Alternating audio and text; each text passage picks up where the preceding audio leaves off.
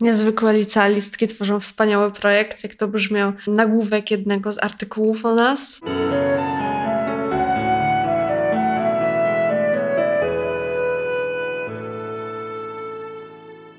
Witamy w 33. odcinku podcastu Co się czyta? Joanna Furdal i Krystian Zych. Dzisiaj Krystian miał niesamowitą okazję, o której marzy praktycznie każdy mężczyzna. Porozmawiał z grupą entuzjastycznych, energicznych i przesympatycznych młodych kobiet. Ale popłynęłaś. tak, a wiesz o czym rozmawialiśmy? Wiem. Rozmawialiście o pewnym projekcie związanym z książkami. Projekcie dość niezwykłym. Projekcie dość niezwykłym, ale projekcie, który bardzo mi się spodobał, bo pasuje do tego, co my robimy w naszym podcaście czyli o projekcie, który ma na celu między innymi promowanie czytelnictwa wśród najmłodszych. Tak jest. Projekt nazywa się Childbook i prowadzą go cztery licealistki z poznańskich liceów, z kilku różnych poznańskich liceów. Projekt Childbook jest realizowany w ramach Olimpiady Zwolnieni z Teorii.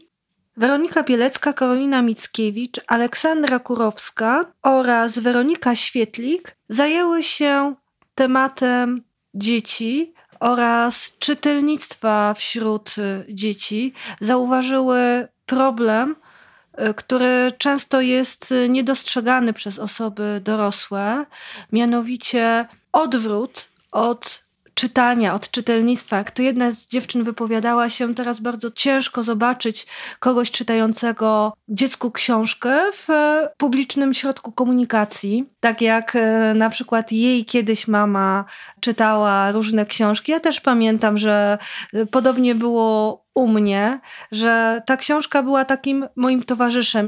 Projekt skierowany jest do dzieci w wieku 6-9 lat. Realizowany jest w szpitalach, w domach dziecka, w szkołach. Warsztaty tworzone przez licealistki polegają przede wszystkim na wykorzystaniu tekstu i pewnych elementów biblioterapii. Nie jest to samo czytanie dzieciom, jak się wielu często wydaje, że zajęcia z książką są nudne. Jest to raczej wprowadzanie w świat na podstawie jakiegoś motywu związanego z książką, wprowadzanie w daną tematykę i są to warsztaty, które łączą ze sobą różne zajęcia plastyczne, ale także tematyczne zajęcia ruchowe. Wiem, że tutaj dziewczyny również wprowadzają zajęcia z chustą klamzy, ale także realizują bardzo ciekawe projekty manualne, plastyczne. Wykorzystują często książki bardzo ambitne. Każdy warsztat przygotowany przez grupę Childbook dotyczy bardzo określonego, wąskiego tematu. To może być e, na przykład temat dotyczący niepełnosprawności wśród dzieci, ale także wykorzystywały z tego co wiem prawie bajki, o czym będą opowiadały. Tak, będą opowiadały o tym. Prowadzą między innymi zajęcia właśnie w oparciu o książki dotyczące prawa dla dzieci. Tematyka wydawałaby się bardzo trudna i bardzo abstrakcyjna dla najmłodszych. Okazało się, że świetnie sprawdza się właśnie w warsztatach. No ale tych, tych tematów jest jeszcze dużo i o warsztatach, o całym projekcie, o tym skąd w ogóle pomysł na prowadzenie, na przygotowanie, na prowadzenie tego typu projektu o wszystkich emocjach związanych. O niezwykłych patronatach. Tak, o tym wszystkim e, za chwilę Zapraszamy. Przy mikrofonie Weronika Świetlik z 6 Liceum Ogólnokształcącego w Poznaniu i Aleksandra Kurowska z drugiego LO w Poznaniu. No to jeszcze ja, Krystian Zych, z podcastu Co się czyta. To nagranie podcastu to jest dla nas taka nowość, bardzo duża nowość, bo no, przyznam się, że nigdy nie słyszałam o niczym podobnym. Musiałam sobie po prostu wygooglować, czym jest podcast, mhm. więc to jest na pewno takie niesamowite doświadczenie. Tyle rzadko się słyszy o książkach. Czy ja już się chyba przyzwyczajam, że takie rzeczy mm, z wyższej półki, generalnie kultura wysoka jest już niepopularna, co niestety jest druzgocące, ale... Jakoś w internecie już e, mam wrażenie, że niektórzy rodzice wolą po prostu zostać z dzieckiem w domu i włączyć im jakiś, e, nie wiem, filmik w internecie, niż żeby wyjść Grę. z tym dzieckiem gdzieś tam Tablet, na, tak. na dwór albo mhm. żeby pograć w jakąś grę planszową. I też często jak rodzice przychodzą z pracy, to już są tak czasem zmęczeni, że no odpuszczają gdzieś tam i to później Widać już w sumie efekty powoli. Na przykład często jak wracam do domu w piątki, to widzę jak niektóre dzieci e, tylko z komórką siedzą, a te dzieci mają może z 7 lat, 6 i jeszcze chyba nigdy nie widziałam, żeby jakieś dziecko jechało tam z książką.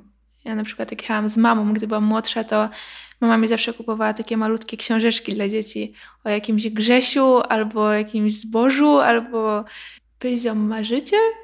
Był, był taki tak. marzyciel. O, tak. Słodko. I właśnie zawsze mama mi kupowała takie malutkie książeczki i gdzieś tam e, później odkładałyśmy na półkę obok i później wracałyśmy do tego przed snem. Mama mi na przykład czytała, więc to było akurat fajne. Ostatnio furorę zrobiło w internecie zdjęcie taty, który czyta dziecku w tramwaju jakąś książkę. Nie wiem, czy, czy, czy widziałyście. Ja chyba nie, ale było coś takiego, było coś takiego, było w pewnym momencie strasznie popularne. Y, nawet gdzieś, pamiętam, któreś z tych takich teoretycznie poważnych stron, typu tam gazeta chyba, czy tam ktoś tam o, o tym pisał, że, że było takie zdjęcie właśnie, które podbiło mm, internet, przynajmniej ten polski właśnie.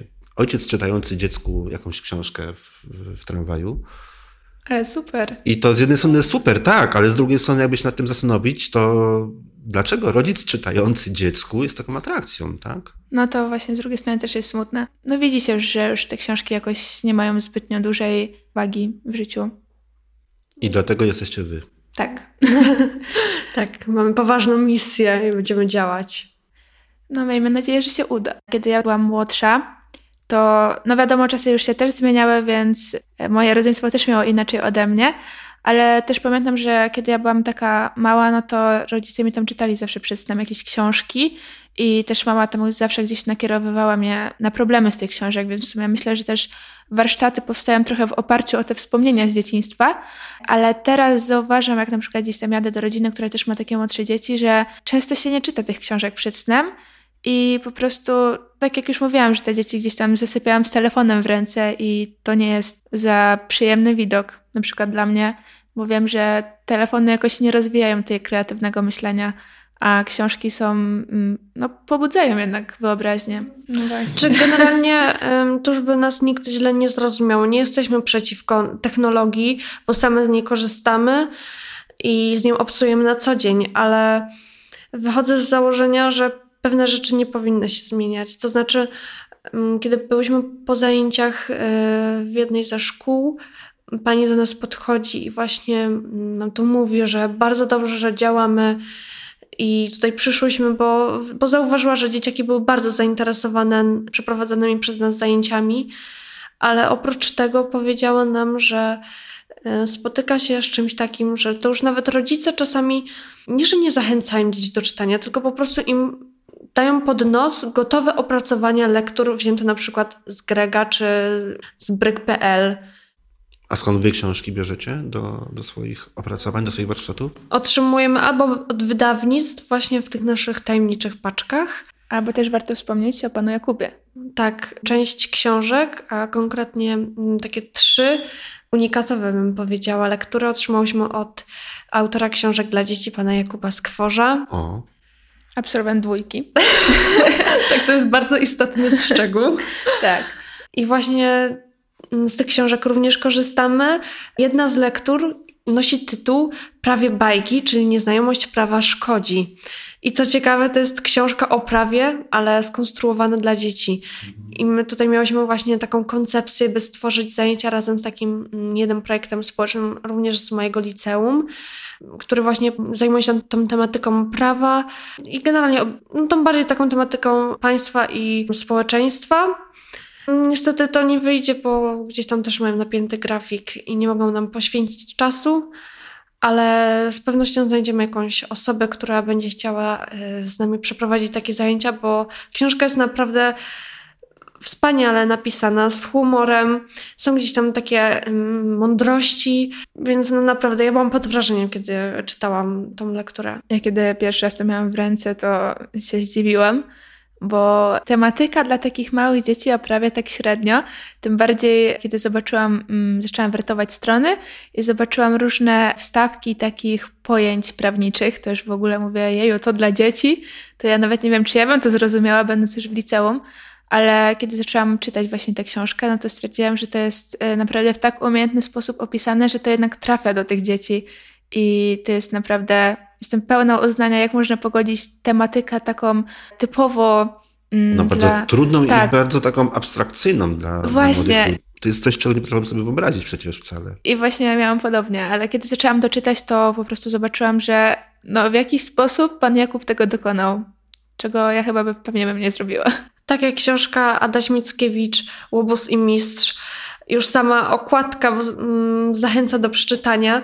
Zawsze zwracam uwagę na tą szatę graficzną książki, a ta jest taka prosta, ale w tej prostocie jest. No, nie, nie potrafię tego opisać, ale jest po prostu dla mnie tak przyjazna oku, że już nie mogę doczekać, aż będę mogła do niej sięgnąć i zaczerpnąć jakieś inspiracje do dalszych warsztatów.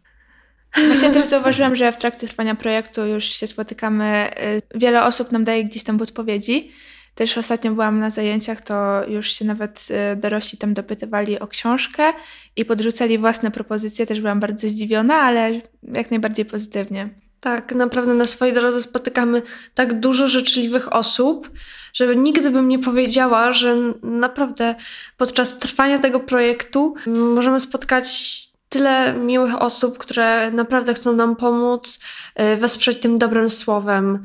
No przykładowo, kiedy tworzymy razem z panią Agnieszką zajęcia w Teatrze Nowym, to jest taka osoba, która tak jak ja interesuje się muzyką, jest w Akademii Muzycznej i kiedyś, to jeszcze było w styczniu, kiedy przygotowywałam materiały na warsztaty, to właśnie razem z panią Agnieszką dużo o tym rozmawiałyśmy, o naszym wspólnym zainteresowaniu i to po prostu też pokazuje, jaki świat jest mały, a mnie to po prostu bardzo ucieszyło, że miałam osobę, z którą mogłam porozmawiać o swojej pasji i też mi podpowiedziała wiele rzeczy na przyszłość, które wzięłam sobie do serca, no i z pewnością będę gdzieś tam bazowała na czyimś doświadczeniu. No na pewno, jeżeli macie taką możliwość, to trzeba z tego korzystać. Skąd pomysł w ogóle? Pomysł? No bo między, jednak między takim mówieniem, że okej, okay, ludzie mało czytają, a robieniem czegoś takiego jak wy, to tak jeszcze trochę dużo jest, nie? Duża Pamiętam nasze pierwsze spotkania naszej grupy, kiedy jeszcze wszystko było takie niedopracowane i tak nawet nie wiedziałyśmy do końca, czy to się uda, czy zbierzemy jakąś tam grupę, bo już miałyśmy jakąś wizję, ale nie byłyśmy pewne, czy te osoby będą chętne, żeby wziąć z nami w tym udział. I pamiętam, że na pierwszym spotkaniu wychodziły jakieś w trakcie jakieś różne pomysły. Pamiętam, że też mówiłyśmy chyba o seniorach, mhm, e, tak. później o ludziach bezdomnych. I ktoś sobie rzucił propozycję z dziećmi. Aha, czyli te dzieci to nie był pierwszy pomysł. Nie, nie. nie, nie. Miałyśmy różne pomysły, bo bardzo chciałyśmy wziąć udział w projekcie samym, ale nie byłyśmy pewne co do tematu. I pamiętam, że na to pierwsze spotkanie każda z nas musiała ustalić jakiś tam mm, zakres tych różnych pomysłów. Mhm. I w trakcie było ich tyle, że już e, pod koniec naprawdę nie wiedziałyśmy, w czym mamy wybierać. I jakoś tak w końcu padło na te dzieci. No, to była bardzo spontaniczna decyzja. Tak. To było w ogóle takie dziwne, bo przez całe spotkanie miałyśmy już przygotowane swoje pomysły i nagle się okazało, że z tych wszystkich pomysłów, które przygotowałyśmy, wygrał ten, który był taki bardzo spontaniczny. To, czego chyba się najbardziej obawiałyśmy, to kiedy właśnie przystąpiłyśmy już do pierwszych działań i zrobiliśmy analizę SWOT. I pierwszym zagrożeniem było to, że po prostu w Poznaniu jest dużo takich akcji czytelniczych dla dzieci, jest mnóstwo inicjatyw już z tym związanych i bałyśmy, że, że po prostu nasza, nasze wydarzenie nie będzie miało takiego przebicia. Mhm. A co to w ogóle był za projekt? Bo mówicie cały czas o projekcie, o analizie SWOT i to, rozumiem, że to było jakieś zorganizowane już coś, tak? Jakieś przedsięwzięcie? Nie, to jest stworzony przez nas projekt społeczny w ramach Olimpiady Zwolnionych z Teorii. Aha, w ten sposób. Okej. Okay. To, co mną kierowało przy wyborze zespołu, to było przede wszystkim to, żeby znaleźć osoby, które mają podobne zainteresowania, ale różne kompetencje. Mhm. No i tu na przykład Karolina i ja... Wow, czyli od samego początku podeszłaś do tego jak do poważnego biznesu. Jejku, tak. Bardzo lubię takie rzeczy. Ola, stwórzmy kiedyś jakiś. Dobrze, stwórzmy własny biznes, trzymam cię za słowo. Okay. I właśnie z Karoliną jesteśmy bardziej od tych rzeczy takich logistycznych, um, odpisywania na różne wiadomości, no i generalnie od ustalenia różnych dat, planowania wydarzeń, czyli od tych wszystkich rzeczy organizacyjnych. A dziewczyny na przykład Tu Weronika prowadzi wspaniale Instagrama jest w ogóle bardzo otwarta i takim naszym grupowym śmieszkiem, bo tak. wprowadza taką mnóstwo pozytywnej energii do tego projektu. Z kolei druga Weronika ma więcej czasu wolnego i dlatego gdzieś tam ją wysyłam na przykład na różne spotkania, czy gdzieś do sklepów papierniczych, żeby tam nam pozałatwiała parę rzeczy. Też na warsztaty, bo właśnie problem leży w tym, że mamy mnóstwo pomysłów, ale tutaj też mamy szkołę, jakieś zajęcia pozalekcyjne. Ja osobiście mam chyba cztery razy w tygodniu jakieś tam zajęcia, więc tylko te środy mam wolne, bo w weekend już jadę do domu. Z kolei mieszkam no, też daleko dosyć od Poznania i mam tylko wolną środę. Ola też ma swoje zajęcia i Karolina. I po prostu musimy tak się wymieniać tymi grafikami, no żeby temu jakoś podołać. No właśnie, jeśli próbowałeś mówić, to był problem z terminem. Ten grafik wasz bardzo napięty. Tak. Prawda. Mamy dużo różnych aktywności, dużo różnych działań i czasami po prostu jest taki nagle nawał tego, że tu mamy spotkanie, tu jakieś działania, tu gdzieś wywiad wpadnie. Już jestem po całym tygodniu Ale wykończona. mi się bardzo podoba uczucie, kiedy już przyjeżdżam w weekend do domu, otwieram swój kalendarz, gdzie zapisuję wszystkie rzeczy, które powinnam zrobić tam na dany tydzień, bo jestem osobą, która notorycznie zapomina o różnych rzeczach. I kiedy otwieram ten kalendarz, to już mówię, jeju, ja to naprawdę wszystko zrobiłam w tym tygodniu i po prostu te kartki całe zapisane moim drobnym druczkiem, ja mówię, no dałam radę i już patrzę co na następny tydzień i patrzę, dobra, teraz jest luz, teraz mogę odpocząć. No, też jestem z siebie dumna, kiedy wracam do domu i opowiadam rodzicom, co robiłam w tym tygodniu, co się wspaniałego przydarzyło.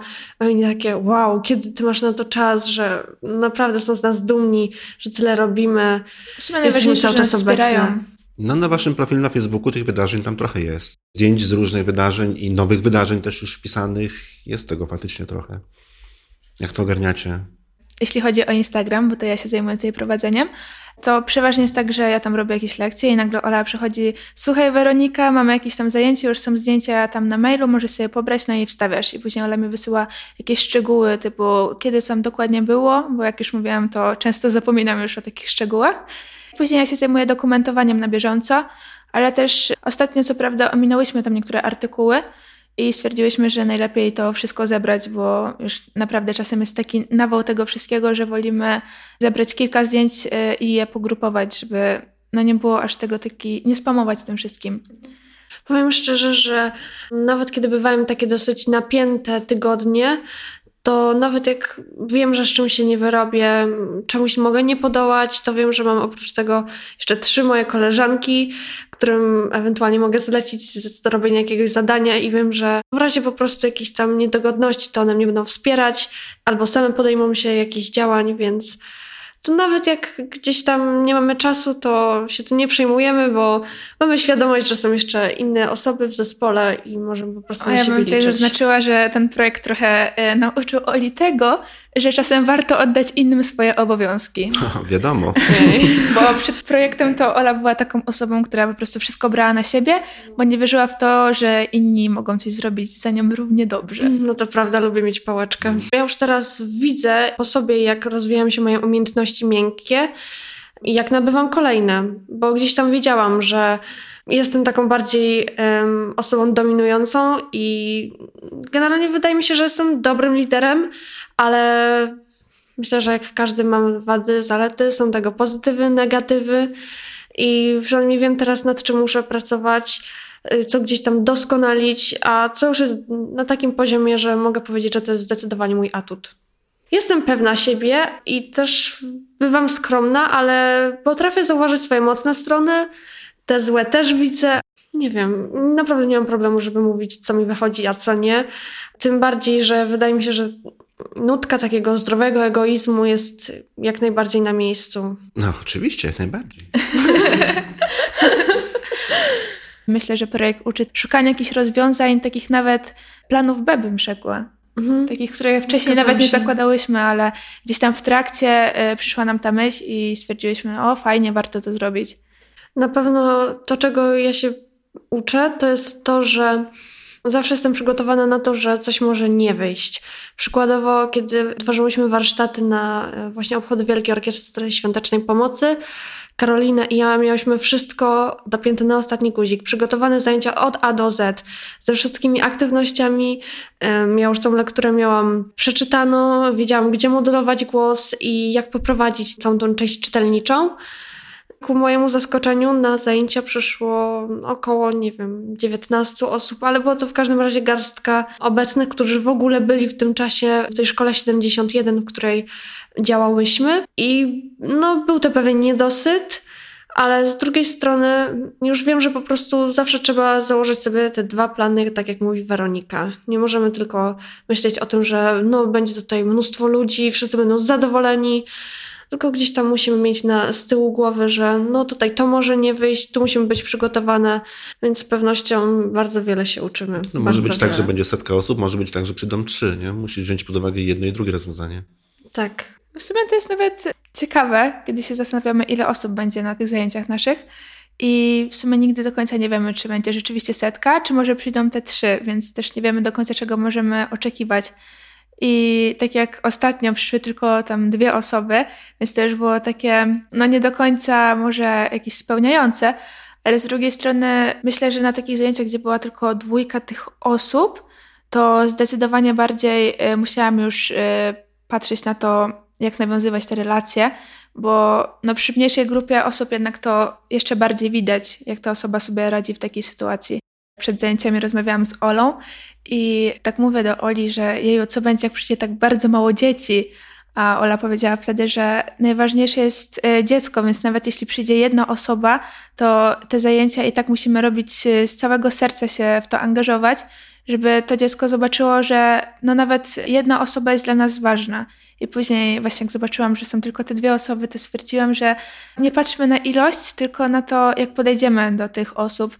Więc już później stwierdziłam, że te dwie dziewczynki akurat były, że to jest bardzo rozwijająca taka umiejętność, żeby nawiązać gdzieś tam współpracę, jakaś umiejętność rozmowy z nimi, bo też były w różnym wieku. No i ostatecznie myślę, że się wkręciło to wszystko. Prowadzicie warsztaty wszystkie razem, czy... Nie, nie, nie, nie zdarzyło tak, żebyśmy były wszystkie cztery na tak. zajęciach. To jest wręcz a wykonalne przy naszych planach lekcji i naszym grafiku zajęć pozaszkolnych. Dlatego często albo jesteśmy w parach, albo w trójkach, albo po prostu pojedynczo. Jak wiemy, że będzie mała grupa osób, to nie boimy się na przykład wysłać jedną osobę, bo wiemy, że sobie po prostu ta dziewczyna poradzi z tym. No choć też trzeba brać pod uwagę różnicę charakteru, bo są tak. osoby, które są optymistami. Myślę, że ja w sumie mogę uchodzić za taką osobę.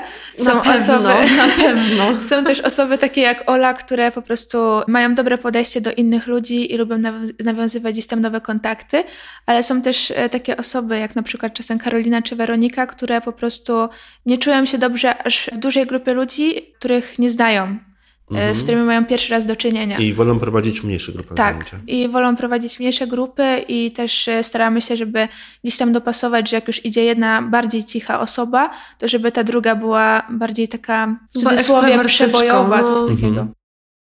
A skąd pomysł na warsztaty? Same je układamy, naprawdę. Po prostu sięgamy po mm, jakąś wartościową lekturę, czytamy ją, same gdzieś tam wynajdujemy takie ważne problemy, które chcemy poruszyć z dziećmi, jakieś tam może smaczki, które są w tej książce i do tego tworzymy scenariusz. Mm, Ojej, Zawsze po tej... Scenariusze też. Tak, też scenariusze, które gdzieś tam nam giną na naszej konwersacji na Messengerze albo na dysku.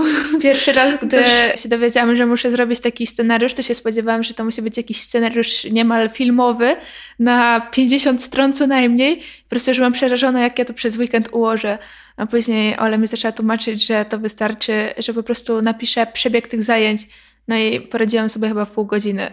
Mamy świadomość, że dzieci są nieobliczalne, ale w takim pozytywnym znaczeniu tego słowa. I często nawet jak założymy w scenariuszu plan A, plan B, plan, plan C, to nagle wyskoczy plan D. Będziemy nieprzygotowane, ale, ale damy radę ze wszystkim. No tak, bo z dziećmi to jest tak, że nagle im się spodoba coś, o czym mm. nie pomyślałaś, że mogłoby im się spodobać. I, i to naprawdę ale trzeba zmienić w tym momencie całe zajęcia. Też nigdy nie ma takiej nudy. W sensie, jeżeli już przeprowadziłyśmy tam kilkanaście jakichś warsztatów, to inni ludzie mogą sobie pomyśleć, że my już tak naprawdę wiemy, czego możemy się spodziewać i my idziemy na te warsztaty z taką myślą, że ach, przeczytają gdzieś tam książkę, tutaj sobie pobawią się z dziećmi, już wyjdą i po prostu nic nowego. A tak naprawdę na każdych z tych zajęć stajemy przed jakimiś nowymi sytuacjami, bo te dzieci są takie, że każde dziecko wyjdzie z czymś zupełnie nowym i my musimy się po prostu dostosować gdzieś tam poniekąd, ale jak też e, jakąś reakcję na to wytworzyć, więc za każdym razem wychodzimy z tych zajęć z nowymi doświadczeniami i uważam, że to jest naprawdę super. To, co mnie zawsze rozczula, to, to kiedy dzieci zwracają uwagę e, na ilustracjach książek, e, po prostu na takie nieznaczące szczegóły, na które bym pewnie w życiu nie zwróciła uwagę. A one tu patrzą, że no tu na przykład ta postać ma takie skarpetki i to, co, co jest ciekawe, to one na przykład już to zaczynają interpretować na swój język, Albo na przykład y, widzą, powiedzmy, mm, gdzieś tam historię urywam w którymś momencie i one zaczynają dopowiadać swoją własną. I to też się wtedy rodzi takie, no coś niesamowitego naprawdę. Tak, interakcja przede wszystkim. No i to tak naprawdę nigdy nie wiesz, dokąd cię zaprowadzi taka historia. Tak. Na każdych zajęciach wychodzę z dawką pozytywnej energii, z uśmiechem, bo dzieciaki są wspaniałe i my na takie też trafiamy. A ja pamiętam nasz pierwszy artykuł znaczy o naszym projekcie, e, który się gdzieś tam pojawił w internecie i ja już po prostu byłam taka w niebo wzięta, mówię, jeju. Po prostu miałam wrażenie, że zaraz świat stanie otworem, że już nasz projekt będzie znany na całą Polskę. E, weszłam na tą stronę, zaczęłam to czytać i nagle mina zaczęła mi tak żednąć coraz bardziej, bo zobaczyłam, że oni tak naprawdę przepisali wszystko to, co my im wysłałyśmy i po prostu ja się spodziewałam czegoś takiego niesamowitego, że tam będą już wiedzieli, nie wiem, chyba w przyszłość już wyjdą, co my w ogóle tam będziemy robić. No i później tak sobie stwierdziłam, że, że chyba najważniejsze w tym projekcie to jest też poniekąd taka pokora, żeby dać radę w ogóle temu podołać. A ja już e, po pierwszym jakimś działaniu miałam wrażenie, że już nagle wszyscy będą widzieli to, ile ja tam robię, i to było takie błędne myślenie. Wiem, że to banalnie zabrzmi, ale bardzo dużo się uczymy działając w tym projekcie, bo wiemy już, jak funkcjonuje telewizja, radio, Właśnie mamy też świadomość, na jakich zasadach działają różne portale internetowe. I tu ogromne ukłony muszę skierować w stronę Gazety Kościańskiej, która raz, że zaprosiła mnie na rozmowę, przeprowadziła ze mną rzetelny wywiad. Dwa, że pani dziennikarka, która ze mną rozmawiała, sama napisała od początku do końca artykuł, który naprawdę był obszerny i bardzo ciekawy, więc... Tak, artykuł był bardzo ładny. Mhm. Byłam właśnie w Gazecie Kościańskiej, to pani też przede mną podstawiła ten mm, mhm. taki magnetofon i w pewnym momencie tak się trochę ztknęłam, bo jejku, nie spodziewałam się, myślałam, że raczej gdzieś tam będzie spisywać. A nie, ona zaczęła nagrywać, ale generalnie wyszło bardzo naturalnie rozmowa. Więc sprostałam chyba nie wiem, dla mnie było najgorzej w telewizji. Jak, było e, tak sztywno. No było sztywno i też były takie ramy czasowe, że tu już wchodzicie za 5 sekund, później weszłyśmy i no już za 10 to już w ogóle już będzie wszystko włączone. A w której telewizji? Gdzie byłyście? TVP3. I po prostu, nie wiem, byłam pierwszy raz w telewizji i się tak mocno stresowałam. Ale przeżyłyście. Tak, radio, tak. Też, radio też przeżyłyście. Tak. I w radiu Gazety też przeżyłyście. Tak, przeżyłyśmy wszystko. Mi się bardzo podoba też to, że wiele rodziców e, nie widzi w nas tylko takich e, maszyn, e, tak w cudzysłowie, do zabawiania ich dzieci, ale stara się gdzieś tam też dojrzeć drugiego człowieka. I też często jest tak, że jak gdzieś idziemy na warsztaty, to ci rodzice sami nas tam gdzieś zagadują, wypytują, ale w takim pozytywnym mm, znaczeniu, że po prostu widać, że się tym interesują i nie patrzą tylko na te zajęcia na korzyści wynikające z naszej działalności, ale dostrzegają to, że też jesteśmy ludźmi i mamy też swoje życie.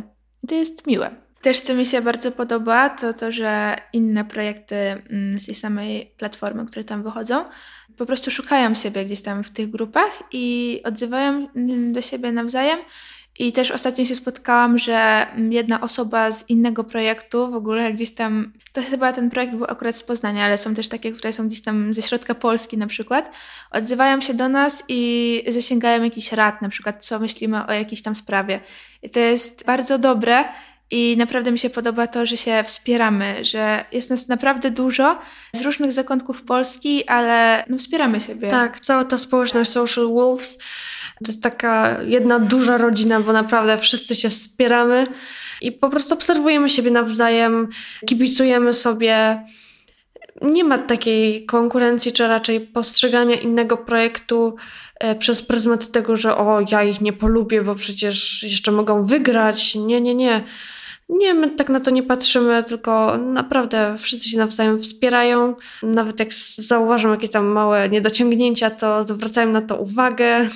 Czyli przy takiej ilości tak naprawdę pozytywnych głosów czy pozytywnych osób, to myślę, że ta nieznieczulica, jak powiedziałaś, to gdzieś tam ewentualnie można ją schować, tak? I, tak, i, myślę, i że my też już jesteśmy... To i ta krytyka jest właśnie y, gdzieś tam w tle za dużą masą wsparcia i miłych słów. Tak, myślę, że teraz też mogę powiedzieć, że jesteśmy na takim miejscu, gdzie już mamy wypracowane pewne metody działania i tu dobrze nam prosperują te wszystkie nasze fanpage, że gdzieś tak po prostu głosy, takie krytyki, czy może mm, takiego niezauważenia nas, po prostu znikają.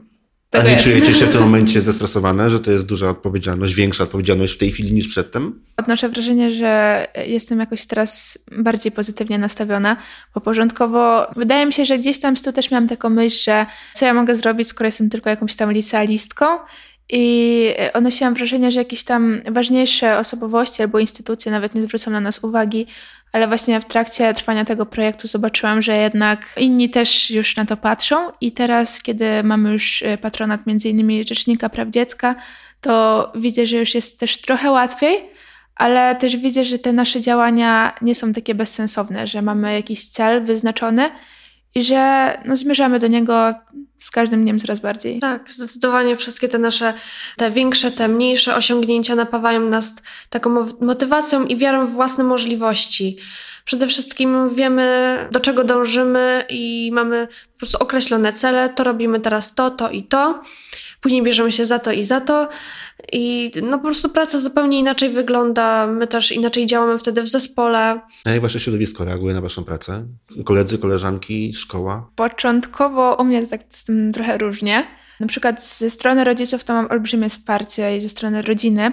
Zawsze jak przyjeżdżam gdzieś tam na weekend, to się rodzice podpytują, jak tam działania, gdzie tam teraz byłam, jak tam dzieci i tak dalej, więc to jest naprawdę taki, myślę, motor napędowy do tych działań. Ale pamiętam, że gdzieś tam na początku, jak w szkole wyszła inicjatywa tych zwolnionych z teorii, to też się spotykałam z takimi, może nie tyle słowami krytyki, ale widziałam, że inne grupy z mojej szkoły, które też tworzą ten projekt, widziały w mojej grupie konkurencję. I teraz częściej się spotykam ze wsparciem niż z krytyką. Najważniejsze to jest się e, skupiać właśnie na tym wsparciu i dla mnie na przykład strasznie budujące jest to, że moi rodzice mnie w tym wspierają, bo gdyby rodzice mnie w tym nie wspierali, to by na pewno mi się nie chciało i bym nie widziała w tym sensu. A jak rodzice już to zaakceptowali, no to mówię, skoro już rodzice w tym coś widzą, no to na pewno jest słuszny cel. Z pewnością, kiedy mm, właśnie nawiązujemy jakieś nowe współprace, czy to z naszymi partnerami, czy patronaty y, nowe pozyskujemy, to też jest nasza taka grupa wsparcia, która tu nam gratuluje podjęcia tego tematu, gratuluje świetnej inicjatywy i trzyma kciuki, żeby nam się to udało. Więc z pewnością dostajemy dużo ciepłych słów z zewnątrz i to jest naprawdę budujące. Rzecznik Praw Dziecka, Kulczyk Foundation, cała Polska czyta dzieciom. Kochają was najwięksi i mm, najsławniejsi. Tak, kochają nas. Jak to, jak to wyszło, że pojawił się u was na Facebooku Rzecznik Praw Dziecka? No nie to jest tak, taka postać, która tak po prostu chodzi po ulicy, tak, którą można zaczepić. No tak, persona z Warszawy, no to już prestiż, prawda? To Ola e... też tutaj ma swoją zasługę. No właśnie, nie, to Karolina wpadła na ten pomysł i w pewnym momencie ja powiedziałam, no Karolina, gdzie chcesz pisać do Rzecznika Praw Dziecka? Naprawdę? Tak, ja, ja naprawdę przyznam, że nie wierzyłam w to, że nam się może udać zdobyć ten patronat honorowy, ale no stwierdziłam, nic nie mamy do stracenia. No tak, najwyżej się nie uda. Najwyżej się nie uda, najwyżej nas odrzucą, ale właśnie pani, z którą mm, nawiązałyśmy kontakty, była bardzo sympatyczna i zawsze jak z kimś piszę wiadomości, to potrafię gdzieś tam w głowie przewidzieć, jaki on ma stosunek do tej naszej inicjatywy. I tu na przykład nie wyczułam takiego dystansu czy stwierdzenia, że no licealistki z Poznania pewnie nic nie mają ciekawego do zrobienia. Nie. Tu pani bardzo rzetelnie podeszła do naszej inicjatywy, zapytała, kto jest naszym mentorem, z racji tej, że nie jesteśmy osobami pełnoletnimi. Poprosiła o wszystkie dane i cały czas po prostu była z nami w kontakcie. No i tego 3 stycznia otrzymałyśmy właśnie pozytywną odpowiedź w e, sprawie tego patronatu honorowego. Byłyśmy zszokowane, ale szczęśliwe, ale, ale przede wszystkim szczęśliwe. Ja po prostu wtedy, kiedy przeczytałam tą wiadomość, to podchodzę do Karoliny i ją wziąłam na ręce. To była naprawdę niesamowita wiadomość no, i pewno, dla nas wielki na zaszczyt. To jest na pewno wielkie wyróżnienie. Więc naprawdę z ręką na sercu mogę powiedzieć, że dla grupy Childbook nie ma rzeczy niemożliwych. Naprawdę super. To A fundacja, fundacja Kulczyków? Tutaj też. Bo oni też nie byle, nie byle komu udzielają jakiegokolwiek wsparcia i tam też nie tak łatwo się dostać. To prawda. Na odpowiedź e, na naszego maila czekałyśmy wprawdzie mm, ponad dwa tygodnie, ale przyznam, że było warto, bo gdy otrzymałyśmy paczkę właśnie od Kulczyk Foundation, to po prostu mina moja, kiedy otwierałam to i zobaczyłam tą całą zawartość, to było niesamowite. No to tam mów, było, zdradzaj. Tam było, było tyle notesów, różnych takich bardziej markowych gadżetów, typu ołówki, długopisy, takie karteczki samoprzylepne. Miał, otrzymałyśmy też cztery egzemplarze Efektu Domina, to jest autorska książka Dominiki Kulczyk. 20 audiobooków mądrych bajek z całego świata, gdzie mm, wartość jednego audiobooku wynosi tam w okolicach 15 zł. To już można sobie wyobrazić, jaka jest wartość otrzymanych właśnie dla nas rzeczy. Więc y, naprawdę hojność tej organizacji no, przerosła nasze najśmielsze oczekiwania. Ale naprawdę to było wspaniałe, bo tego dnia akurat wracałyśmy z warsztatów i Karolina dostała wiadomość od kuriera, że tu paczkę musi odebrać i my tak szybciutko biegusiem pobiegłyśmy właśnie mm, odebrać to i otwieramy, a tutaj takie miłe zaskoczenie. Wszystkie te materiały są bardzo ładnie w szacie graficznej. Jejku, odebrałam mi mowę. Ale też otrzymałyśmy na początku samą chyba paczkę z ABC. Tak, od Fundacji ABC. Tak, cała Polska czyta dzieciom. Tak, Mhm. i chyba jeszcze z zakamarków. To już było trochę później, ale faktycznie Fundacja ABC jako pierwsza nas wsparła i otrzymałyśmy też książki z ich złotej listy, mnóstwo zakładek. Nawet Weronika ją jako pierwsza otwierała i była pełna relacja na naszych social media. No, no i przyznam szczerze, że to daje takiego zawsze kopa, tak kolokwialnie mówiąc. Dobra, uporządkujmy. Do tej pory prowadziłyście ile zajęć, tak na oko mniej więcej? Zależy, Ostatnio czy indywidualnych, czy z kimś. Tak, ale ostatnio naliczyłam generalnie e, ponad 10 warsztatów w sumie. Od paru zaledwie miesięcy. Od, Od paru- bardzo krótkiego tak Powiedziałabym, czasu. że nie? od dwóch miesięcy, bo od dwóch miesięcy jesteśmy na, Mhm. na realizacji, bo warto zaznaczyć, że tworzenie takiego projektu społecznego opiera się na takich czterech filarach, mianowicie inicjacja, planowanie, realizacja i zakończenie projektu. I właśnie na tym też polega to całe nasze dokumentowanie tych wszystkich działań na platformie zwolnionych z teorii. Tak jakoś się zaczęłyśmy spotykać, nie wiem, pod koniec października gdzieś. Mhm, Ale tak, to wtedy były takie działania, wtedy. co formowałyśmy właśnie grupę i zastanawialiśmy się nad tematem. Później oczywiście rozpoczął się etap inicjacji, więc y, musiałyśmy się tam zarejestrować na tą platformę, w ogóle się oswoić, jak to wygląda, co to w ogóle jest. I dopiero później na kolejnym etapie mogłyśmy zacząć y, prowadzić zajęcia. Już warto zaznaczyć, że na początku to było w Domu Bajek, w Teatrze Nowym i dopiero kiedy gdzieś tam nabrałyśmy tego doświadczenia, zobaczyłyśmy, jak to mniej więcej wygląda, no to już zaczęłyśmy teraz prowadzić same indywidualnie. Mamy początek lutego. Od listopada to minął bardzo krótki czas, 10 zajęć. Po drodze jeszcze jakby nie było przerwa świąteczna. Nowy rok, jest tego trochę. A plany na przyszłość?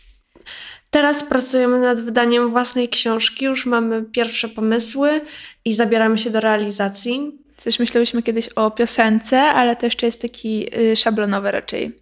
Na razie się skupiamy na tej książce. Tak, to jest nasz priorytet, ale piosenkę też na pewno wydamy. W jakiej formie tego jeszcze nie wiemy, bo to są na razie takie e, Zalążki pomysłów. właśnie zalążki szablony. pomysłów. Ale ona na pewno będzie, tylko pewnie w późniejszym czasie, bo gdzieś tam ta książka na pewno zdecydowanie pochłonie i tworzenie tego. Mamy też sporo pomysłów dotyczących realizacji i później dalszej promocji naszej lektury, więc to z pewnością weźmie większość naszego czasu i pewnie nie wyrobimy się z tym do kwietnia, ale Ale przy warsztatach zostajecie. oczywiście. A co potem, jak się skończy projekt? Mm, Myślałyście mamy już o tym? Tak, myślałyśmy o tym i ja już, w, znaczy generalnie ja zaczęłam o tym dużo myśleć, W marcu będziemy brał udział w bajkoterapii. To będą takie zajęcia organizowane przez zaczytanych. To jest taka organizacja, która patronuje różne akcje czytelnicze w szpitalach i właśnie również z nimi nawiązywałyśmy kontakt.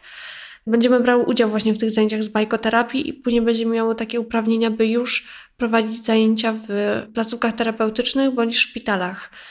I z pewnością też nie zdążymy z realizacją tych różnych tam założeń do kwietnia, dlatego pewnie część zajęć przeniesiemy na okres późniejszy.